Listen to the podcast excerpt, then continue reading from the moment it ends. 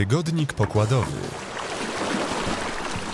Żeglarskie podsumowanie tygodnia w mojakoja.pl Polacy na podium RORRC Caribbean 600. Pierwsze miejsce w regatach jednokadłubowców zdobył amerykański jacht Pierre Wacket. Z kolei po jednym dniu, 23 godzinach, 46 minutach i 18 sekundach żeglugi, jako drugie metę przekroczyło Volvo Isle of Poland. Tym samym załoga poprawiła swój zeszłoroczny wynik o prawie 4 godziny. Na trzecim miejscu z kolei uplasował się polski Wind Whisper. Pod biało-czerwoną banderą płynął też Amber Sail i najmniejszy startujący jednokadłubowiec Hultaj.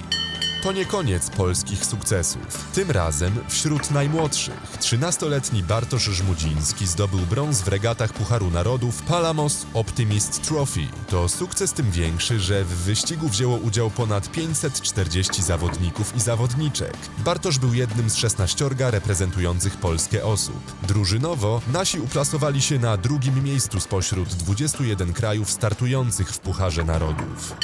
Skończył się konwent okręgówek PZZ.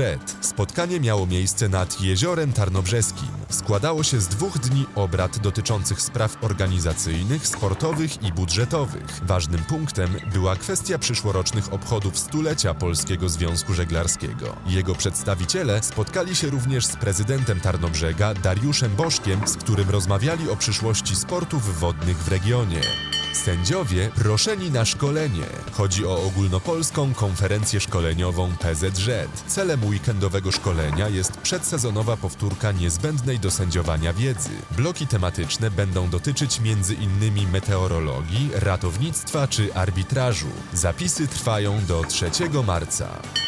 To był tygodnik pokładowy, czyli podsumowanie tygodnia w mojakoja.pl. Numer jeden w Polsce, portal i aplikacja z ogłoszeniami żeglarskimi z możliwością licytacji.